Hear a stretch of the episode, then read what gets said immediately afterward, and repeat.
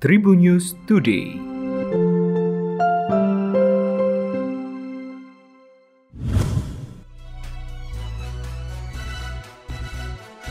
Tribuners, Anda kembali menyimak Tribun News Podcast untuk edisi kali ini bersama saya Delta Gonzales. Untuk kabar nasional, Ex Kapolda Sumatera Barat Irjen Teddy Minahasa tiba-tiba meminta pemeriksaan terhadap dirinya sebagai tersangka kasus peredaran narkoba dihentikan. Diketahui Irjen Teddy Minahasa dijadwalkan menjalani pemeriksaan sebagai tersangka kasus peredaran narkoba di Polda Metro Jaya pada Sabtu 15 Oktober.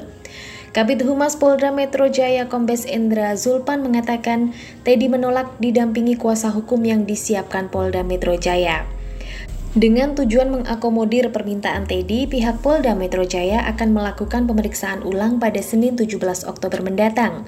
Dijadwalkan Irjen Teddy Minahasa akan kembali menjalani pemeriksaan sebagai tersangka pada Senin besok. Belum diketahui siapa yang akan menjadi kuasa hukum Teddy selanjutnya. Untuk kabar internasional, Tribuners Rusia menggunakan pemerkosaan dan kekerasan seksual sebagai bagian dari strategi militernya di Ukraina, kata perwakilan khusus PBB untuk kekerasan seksual dalam konflik Pramila Paten minggu ini. Klaim tersebut mengikuti data yang dirilis oleh panel ahli PBB baru-baru ini.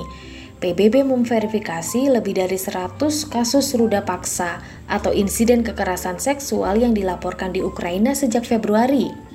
Sejak invasi Moskow dimulai, pejabat Ukraina telah berulang kali menuduh pasukan Rusia melakukan pelecehan seksual terhadap perempuan dan anak-anak. Mereka menggunakan perkosaan dan tindakan seksual lainnya sebagai senjata perang.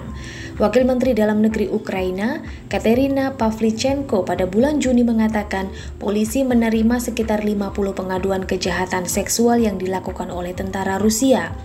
Jaksa juga sedang menyelidiki tuduhan roda paksa di wilayah Kharkiv setelah pasukan Ukraina baru-baru ini merebut kembali wilayah di sana. CNN telah berbicara dengan wanita Ukraina, salah satunya seorang wanita hamil berusia 16 tahun yang berbagi cerita mengerikan yang merinci kekerasan seksual. Sementara itu, pihak berwenang Rusia telah membantah tuduhan kejahatan perang di Ukraina. Kartika Putri baru saja melahirkan anak keduanya dengan Habib Usman bin Yahya pada Jumat 14 Oktober. Kabar bahagia itu dibagikan Kartika Putri melalui akun Instagram pribadinya. Sesuai keinginan, Kartika Putri telah melahirkan anak keduanya di rumahnya sendiri. Bayi perempuan itu diberi nama Khadijah Aliyah Basira dengan berat badan 3,55 kilo dan tinggi 51 cm. Kartika Putri meminta doa kepada warganet agar anaknya kelak menjadi putri yang pintar. Bayi yang baru lahir umumnya tali pusat dipotong oleh dokter. Uniknya kali ini Kartika Putri memotong tali pusat sang putri dengan menggunakan lilin. Chelsea memutuskan untuk tak memperpanjang kontrak Ngolo Kante yang akan habis di akhir musim.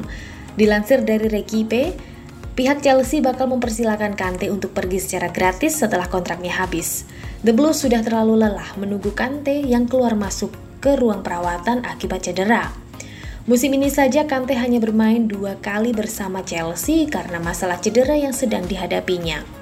Melihat hal tersebut, Kante pun sudah bersiap untuk meninggalkan Chelsea.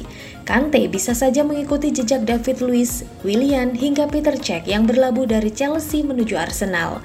Mikel Arteta juga menyebut The Gunners masih membutuhkan tambahan satu gelandang bertahan lagi. Dengan kualitas yang dimiliki Kante, ia tak akan sulit untuk beradaptasi dengan gaya bermain Arteta yang mengusung kolektivitas. Informasi selengkapnya dapat Anda simak di Tribunnews Podcast hanya di Spotify. Tribunnews Today